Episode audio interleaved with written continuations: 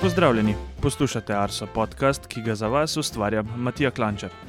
Po malce daljšem premoru je pred vami 107. epizoda Arso podcasta. Vanjo se vrača Gregor Vrtačnik z zadnjimi zanimivostmi sveta vremenskih podatkov. Na naš podcast se še vedno lahko naročite. Poiščete nas lahko v vaši najljubši podcast aplikaciji ali na Spotifyju, najdete pa nas tudi direktno na naši spletni strani. Če vam je podcast všeč, povejte še drugim. V stik z nami pa lahko stopite preko elektronskega naslova podcast.arsoafnago.si. Seveda smo prisotni tudi na družbenih omrežjih, kjer z veseljem delimo vaše slike, zgodbe ali se z vami pogovarjamo o vremenu. Na Twitterju smo Meteosi, na Facebooku in Instagramu pa nas najdete pod imenom Arso Vreme. Osrednja tema. Danes je znova z mano v srednji temi Gregor Vrtačnik. Že pred tremi tedni sva na mizi pustila eno izmed današnjih tem. Na začetku se bova dotaknila letošnjih požarov po svetu, prav tako pa se bova dotaknila izjemnih temperatur, ki jih beležimo letos jeseni. Kakšen je bil mesec september v Evropi in globalno. Na koncu bova pokomentirala tudi oktobrski, lahko bi mu rekli kar vročinski val pri nas in po Evropi. Gregor, pozdravljen znova v Arso podkastu. Živijo. Začniva s pogledom v preteklost. V tem tednu, pred več kot 150 leti, se je na področju velikih jezer razplamtelo več izjemnih požarov. Kaj se je takrat dogajalo? Ja, leta 1871, zlasti 8. oktober, so na območju Wisconsina in pa sosednjih območjih, približno na geografski širini 45 stopinj severno, se pravi, kar je približno geografska širina tudi Slovenije, uh, so, so izbruhnili najbolj smrtonosni požari v ameriški zgodovini. Uh, od teh je bil najhujši požar v Peštigu, to je bilo v majhni vasici ob obali Velikega jezera Michigan. In takrat je v, se pravi, v enem samem požaru pogorelo skoraj 5000 km2 površin, to je za približno četrtino Slovenije in to več ali manj v, v enem samem dnevu.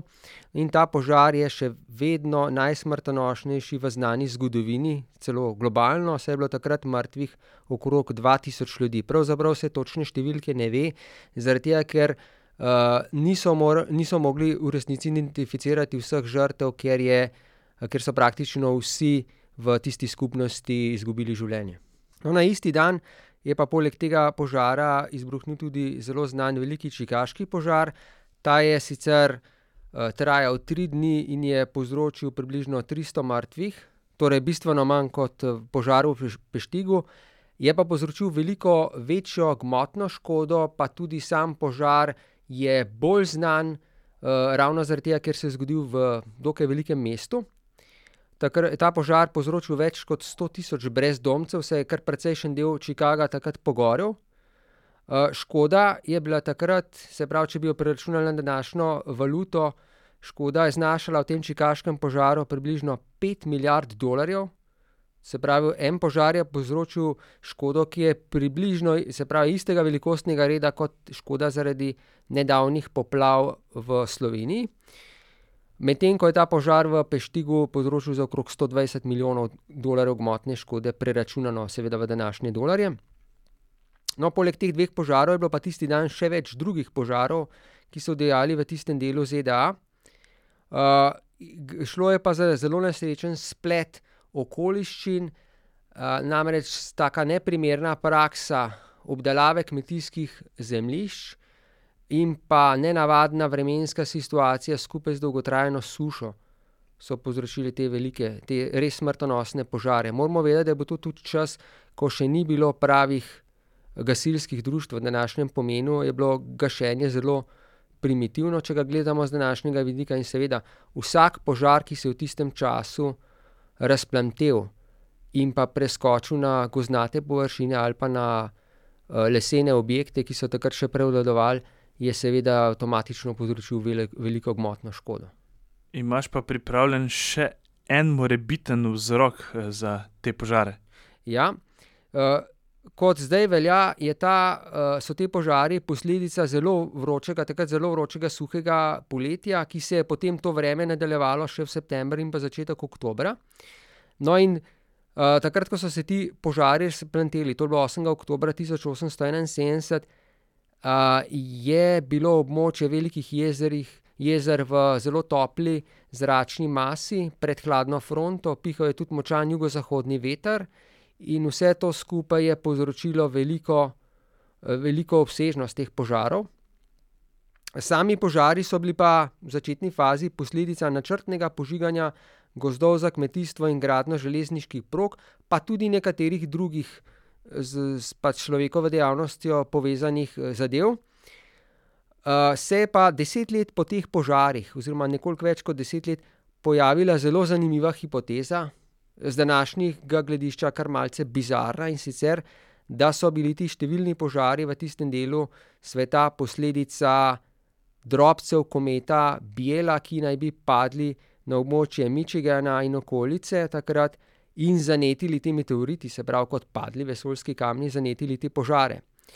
Težava pri tej hipotezi je ta, da drobci, uh, se pravi, vesoljskih, po domačem povedano, vesoljskih kamnov oziroma meteoriti, običajno padajo tako dokaj hladni na površje Zemlje in sami ne morejo povzročiti po požara. Lahko bi jih povzročili, če bi povzročili kakšno eksplozijo ali pa posredno povzročili ta požar, da bi pa neposredno zaradi same temperature teh, teh teles prišlo do požara, je pa to praktično nemogoče.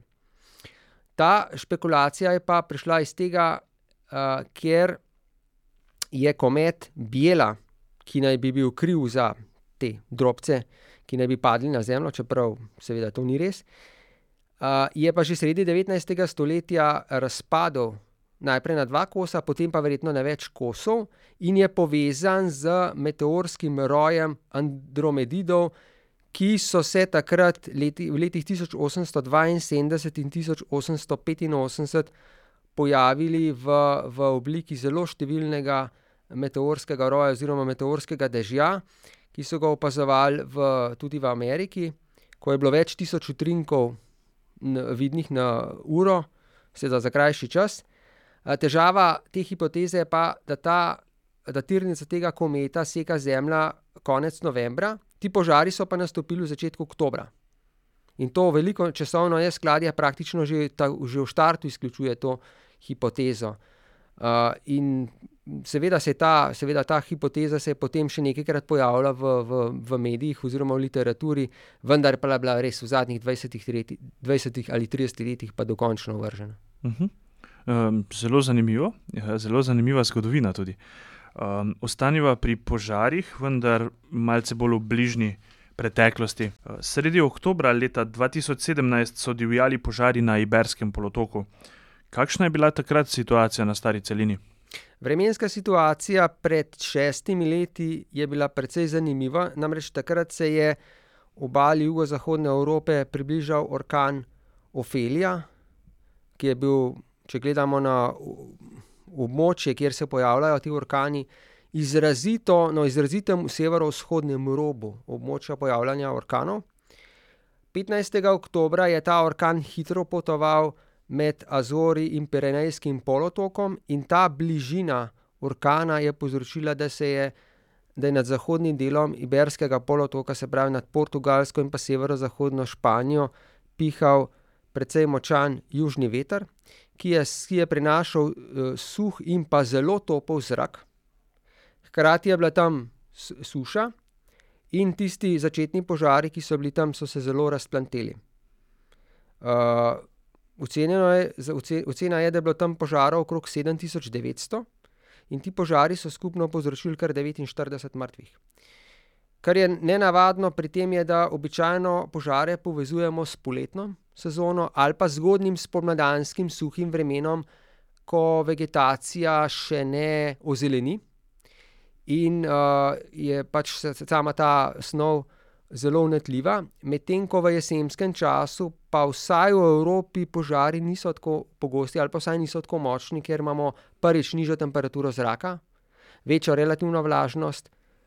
In pa hkrati pogosto še na tistih območjih, kjer prihaja do teh požarov, ponavadi še dokaj zeleno vegetacijo, oziroma vsaj ni tako suho, kot je recimo spomladi. No, ampak leta 2017 je ta splet nesrečnih okoliščin, meteoroloških, in pa tudi drugih privedel do tega, da, so, da je v bistvu prišlo do te katastrofe s tako veliko žrtvami. Je pa takrat bilo podobno kot letos, v začetku oktobra, tam izjemno toplo. Namreč v Akoruni, ki leži na skrajnem severozahodnem robu Španije, je bilo takrat uh, 32 stopinj, relativna vlažnost pa samo 25 odstotka.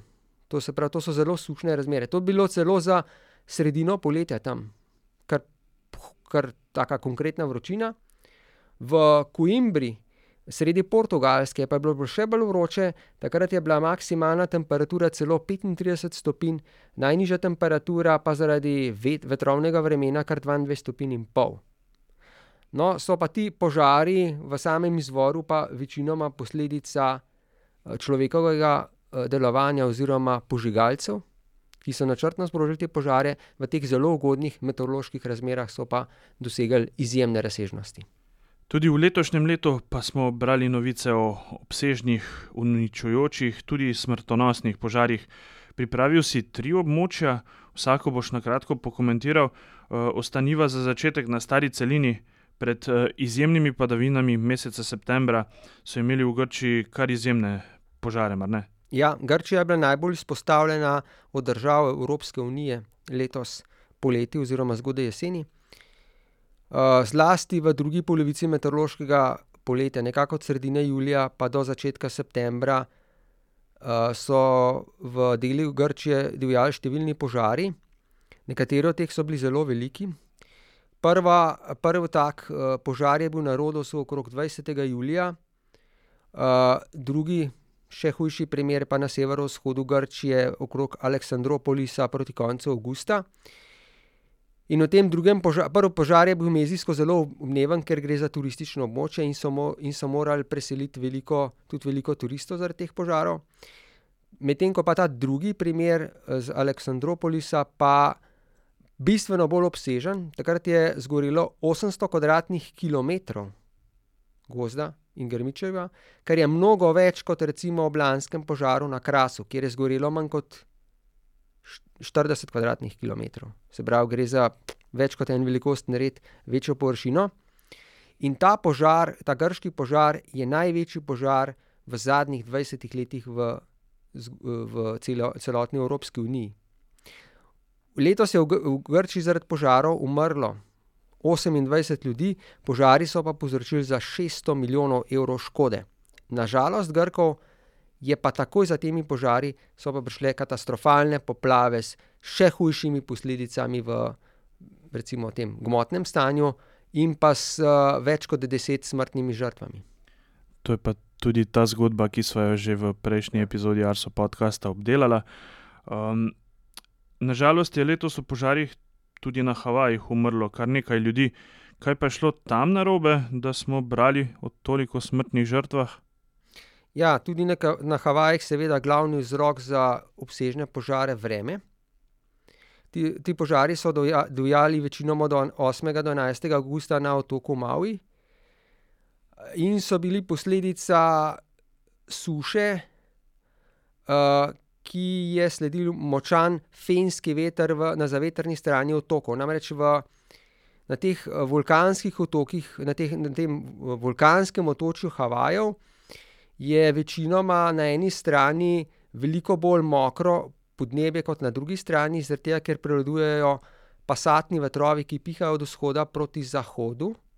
In na privetrni strani ti pasatni vetrovi trčijo na te vulkanske gore, in se tam zrak pogosto ohladi do točke rosišča, nastanejo oblaki, pogoste so padavine in posamezni deli, manjši deli Havajev prejmejo tudi več kot nekaj metrov dežja na leto, tudi do tam do deset tisoč milimetrov na leto, medtem ko na drugi strani istih otokov pade mogoče nekaj sto milimetrov dežja na leto. Se pravi, imamo ogromne, že kar krajevne razlike v, v podnebju. No, in takrat sredi avgusta ob teh požarih je bilo severno od Havajev zelo izrazito jedro anticiklona, medtem ko je bilo južno, pa območje tropskega ciklona Dora. In med tema dvema, pritiskovima tvorbama so pihali dokaj močni vetrovi, ki so se na zahodnih straneh teh, se pravi zavetrnih straneh teh otokov spuščali, uh, s tem sušili in pa ogreli zračno maso. Uh, in zlasti v, na otoku Maui je prišlo do teh velikih požarov, in ta najhujši je prizadel mesto Lahajina. In tam je prišlo do, do katastrofe, zaradi tega, ker je najprej močan veter podaril več daljnovodov, verjetno tudi odsprožil nekaj požarov. Hkrati je bilo dokaj slabo obveščanje zaradi izpada električnega toka in telekomunikacij. Sami prebivalci niso pravzaprav točno vedeli, kaj se dogaja, da je res zadeva tako kritična. Zaradi tega je bilo tudi obveščanje, obveščanje uh, teh služb, ki skrbijo za uh, evakuacijo in podobno, se pravi, samo obveščanje prebivalcev zelo slabo. Pravzaprav ne navadno slabo, glede na to, da gre to za del zemlje, ki, je, ki ima najboljše obveščanje, recimo za nevarnost pred tsunami zelo, zelo dober sistem obveščanja prek siren, je tokrat povsem odpovedal ta sistem.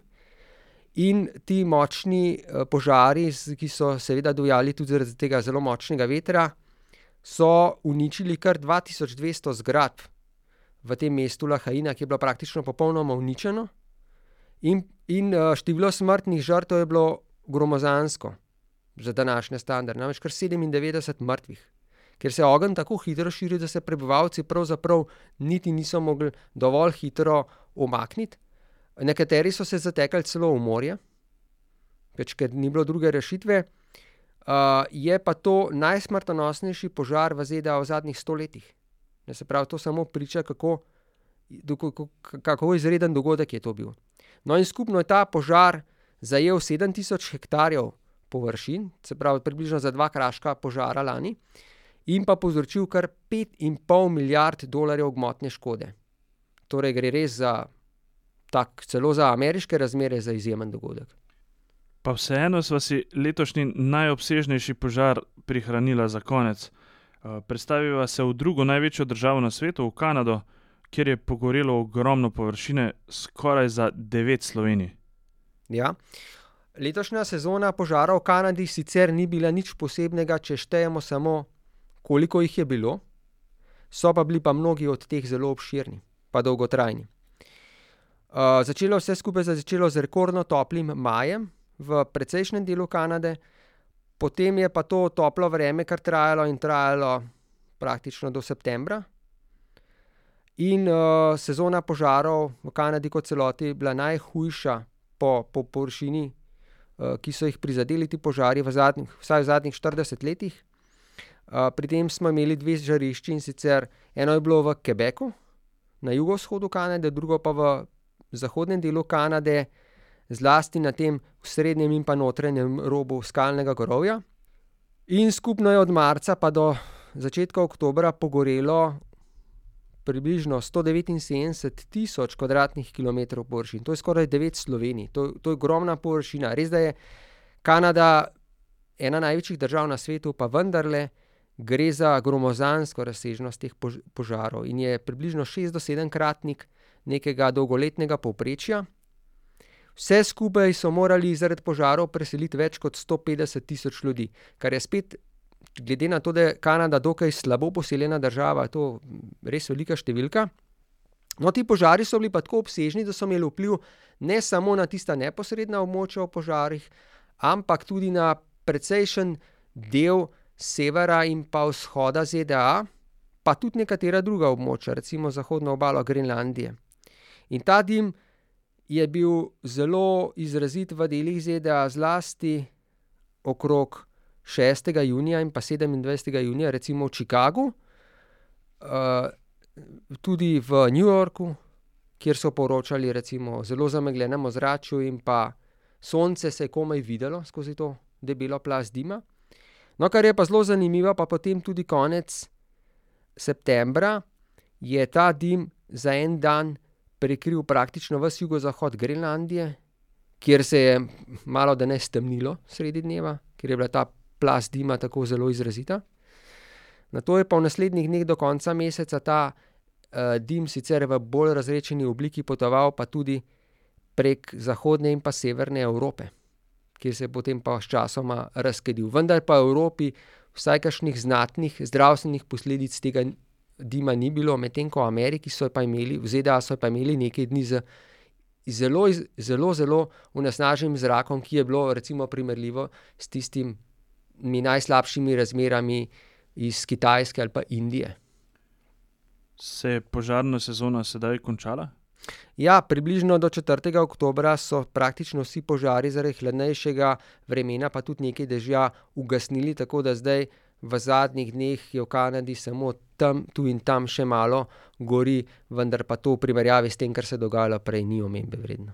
Mislim, da smo dobro zaključili tole poglavje s požari. Predstaviva se na področje temperatur. Konec preteklega tedna je bilo objavljeno podnebno poročilo programa Copernicus za mesec september. Katere poudarke je poročilo vsebovalo? Uh, ja, to poročilo, ki ga Kopernikus objavlja vsak mesec, pravi, to je pregled podnebnih razmer v, po Evropi in svetu v preteklem mesecu, izpostavlja predvsem rekordno visoko povprečno temperaturo zraka pri tleh globalno in pa tudi v Evropi. Uh, ocenjena povprečna temperatura na podlagi podatkov reanaliz Evropskega centra za srednjeročne napovedi, namreč gre za meteorološki model, ki se izračunava tudi kot neka ocena podnebnih razmer.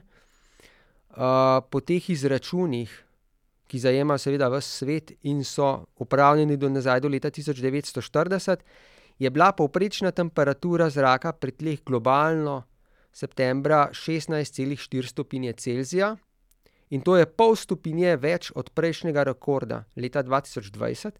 In ta razlika, čeprav se sliši mala, je, je ogromna. Namreč od drugega mesta do 20. mesta v tej, recimo, lestvici najtoplejših septembrov je približno enaka razlika kot zdaj med prvim in drugim mestom. Ne, tako, za, za neko tako splošno predstavo.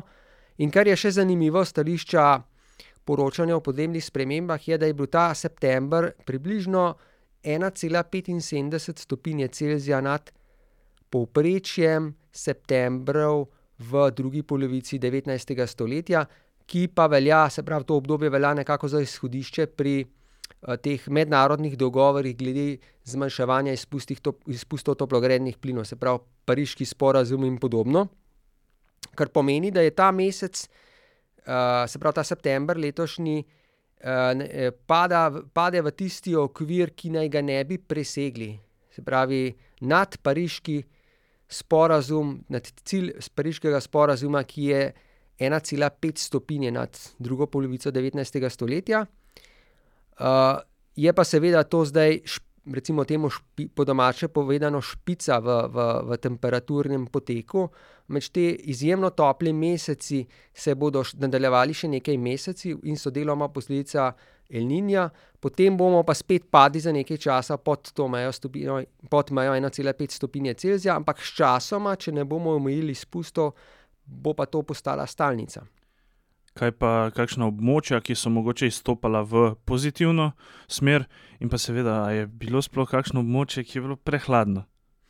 Ja, glede na razpoložljive podatke, je bil letošnji september na več kot desetini sveta, če gledamo površino, rekordno topo, vsaj v zadnjih desetletjih.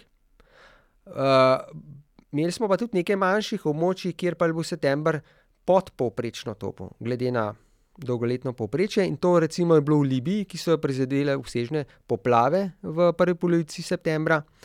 Potem v delih v srednji in severovzhodne Azije je bilo tudi nekoliko hladneje kot običajno. Prav tako na jugu Grenlandije, jugu Argentine in Čila in, in še nekaterih ob, drugih območjih, vendar pa so bila ta območja za nekajkrat, več kot desetkrat manjša od tistih območij, kjer je bilo pa znatno pretoplo. In tudi v Evropi je bil september marsikje rekordno topel, ker številne države so poročale o najtoplejšem septembru doslej. In na ravni Evrope je bil ta september za dve, celi, dve stopinji in pol toplejši od dolgoletnega povprečja, to je za obdobje 1991 do 2020. Ta odklon je izjemno velik in je eden največjih doslej zabeleženih odklonov za katerkoli mesec v letu. In hkrati je to za več kot stopinjo topleje od prejšnjega najtoplejšega septembra leta 2020. Se pravi, tako kot na globalni ravni, tudi na evropski ravni lahko govorimo o septembru kot zares ekstremnem mesecu, stališča uh, temperature zraka. Je pa zanimivo, da je bil pa september uh, na Islandiji, pa delih Španije, pa celo nekoliko hladnejši od dolgoletnega povprečja. Ampak tako kot na globalni ravni so ta območja relativno majhna, glede na tista območja, kjer je bilo pa izjemno toplo. Hkrati s tem izjemno toplim vremenom, pa seveda se opada tudi dokaj suho vreme v večjem delu Evrope, septembra, razen na območju od Španije prek britanskega območja tja do Finske in pa v delu Grčije, ki so jo prizadele katastrofalne poplave, je bilo povsod drugod bolj ali manj dokaj suho vreme. Uh, kar je zanimivo še za omeniti na ravni, na globalni ravni, je, da je bilo, da je prvih devet mesecev letošnjega leta že nekoliko toplejših, kot celota, nekoliko toplejših od rekordno toplega leta 2016, in letošnje leto bo na globalni ravni praktično zanesljivo najtoplejše v zadnjih 150 letih, verjetno pa lahko kar z veliko mero gotovosti rečemo tudi v zadnjih nekaj tisočletjih. In to je deloma posledica El Ninja, ki se je začel konec pomladi in se sedaj še stopnjuje. Uh, zgodovinskih podatkov pa vemo, da je leto, ki sledi El Ninju, se pravi naslednje leto, verjetno bo še nekoliko toplejše od letošnjega. Ja, pa tudi oktober, eh, ki mu bova namenila zadnji del najnega pogovora, kar sledi temu eh, nadpovprečnemu vremenu. Eh, torej, še zadnja tema je pred nama, čeprav smo že v drugi dekadi meseca oktobra, nas temperature še vedno precej grejejo, ne samo pri nas, tudi drugot po Evropi je zelo vroče. Beležimo res nepredstavljive temperature za začetek meseca. Kronološko si izbral nekaj podatkov, da si bodo tudi uh, poslušalci lažje predstavljali vročinski val, v katerem smo se znašli. Ja, teh rekordov je bilo pa ta mesec pač res ogromno. In skoraj v vseh delih Evrope so padli taki ali drugačni temperaturni rekordi na tej topli strani. Začelo se je s Španijo in pa Francijo 1. oktobra so v Montoru na jugu Španije izmerili 38,2 stopinje Celzija in to je nov uradni španski rekord za, za oktober. Uh, ne, nekaj dosti hladneje je bilo na severu Španije, tako so v Kataloniji izmerili 36 stopinj in pa v Franciji do 35 stopinj in pol. Uh, naslednji dan je bilo je, bilo, je bila vročina najbolj izjemna v severnem delu Španije, kjer so jim namerili do 37 stopinj, recimo v Bilbao, in pa v delih Srednje Evrope, v Nemčiji se je segrelo skoraj do 30 stopinj. No, 3. oktober smo pa že tudi Slovenije poročali o izjemno visoki temperaturi zraka. V novem mestu se je ogrelo do 29 stopinj, kar je nov oktobrski rekord za, za novo mesto.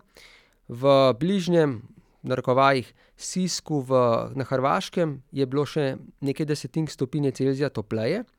V Avstriji so pa v Langen Lebarnu izmerili celo 30,3 stopinje Celzija, kar je nov avstrijski državni rekord za oktober.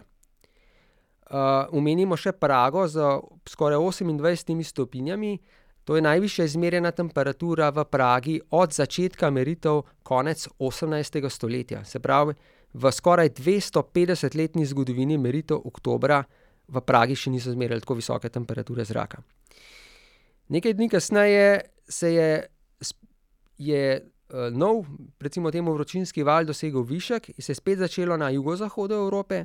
6. oktober so na Madeiri izmerili skoraj 35 stopinj in s tem novo rekordno temperaturo za oktober. Dan kasneje je bilo v Sevilji več kot 37 stopinj, In do vključno 9. oktobra je bilo v Sevilji vsak dan vsaj 33 stopinj. Se pravi, so bile temperaturne razmere praktično so strezale recimo običajnemu vremenu julija ali pa avgusta. Povej pa še nekaj o nedelji 8. oktobru, ki pa je ta nedelja bila izjemna tudi za nas v Sloveniji, mar ne? Ja, v Sloveniji smo pa 8. oktobra izmerili uh, kar precej temperaturnih rekordov, še posebej uh, izstopajoče pa je bilo v Beli krajini, v Dobličah pri Črnomlju se je čez dan s pomočjo vetra segrelo do 31,3 stopinje Celzija, kar je nov uraden slovenski rekord za oktober. prejšnji rekord, 30 stopinj, ki je bil zmerjen leta 2011 v Naslapu pri Vipavi, se pravi v drugem delu Slovenije, pa je bil presežen tudi v Metliki, kjer se je segrelo do 30,4 stopinje Celzija. No, potem smo imeli pa na še nekaterih meteoroloških postajah po nižinah pa temperaturo nad 27 stopinj, zlasti na vzhodu. Tako recimo v Murski soboti je bilo 28,9 stopinje Celzija, prav tako rekord.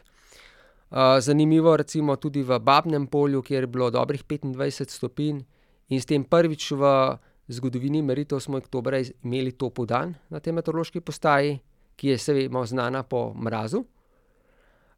toplo je bilo pa tudi v višinah, ne, marsikje nad tisoč metri smo imeli nad dvajset stopinj, tudi recimo na Rudnem polju, kjer se je segrela do enaindvajset stopinj in s tem je bilo tudi tam rekordno toplo za oktober.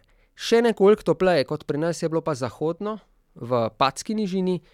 Praktično v celotni Padski nižini temperatura zraka presegla trideset stopinj, ponekod celo štiriintrideset stopinj Celzija.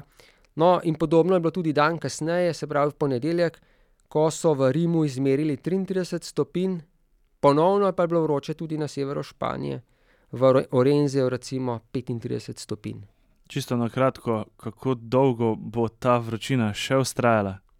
Ja, ta vročina oziroma zelo toplo vreme v naših krajih bo vztrajalo vsaj še do sobote, potem pa vse kaže, in to kar s precejšnjo zanesljivostjo, da nas bo iz nedelje na ponedeljek prišla hladna fronta in naslednji teden bo verjetno v znamenju precej svežega ali pa kvečjemu zmerno toplega oktobrskega vremena. In glede na to, da imamo zdaj izrazito nadpovprečno toplo vreme, bo to, bo to kar velika temperaturna sprememba. Seveda pa vabim vse poslušalce, da si kaj več o teh tematikah, ki sva jih tudi danes z Gregorjem obdelala, preberejo na naših družbenih omrežjih, prejšnji konec prejšnji konec tedna smo, pisali o podnebnem poročilu, Kopernikusa, prav tako v ponedeljek oziroma začetku tega tedna o teh oktobrskih temperaturnih rekordih, tako da ja, vse te podatke imamo zbrane in, marsikaj, zanimivega se najde tudi tam. Gregor, tebi pa najlepša hvala znova za tvoj čas, za izčrpne zgodbe, ki si jih pripravil, pa verjetno se pa kaj kmalu znova srečava s kakšno novo meteorološko ali klimatološko tematiko, ki jih zlepa ne zmanjka. Ja, hvala, hvala tudi tebi, Matija, za vabilo. Hvala pa tudi vam, drage poslušalke in dragi poslušalci. To je bila stosedma epizoda Arso podcasta. Če vam je bila všeč, nam pustite kakšen komentar. Želim vam čim več lepega vremena in se slišimo čez štirinajst dni.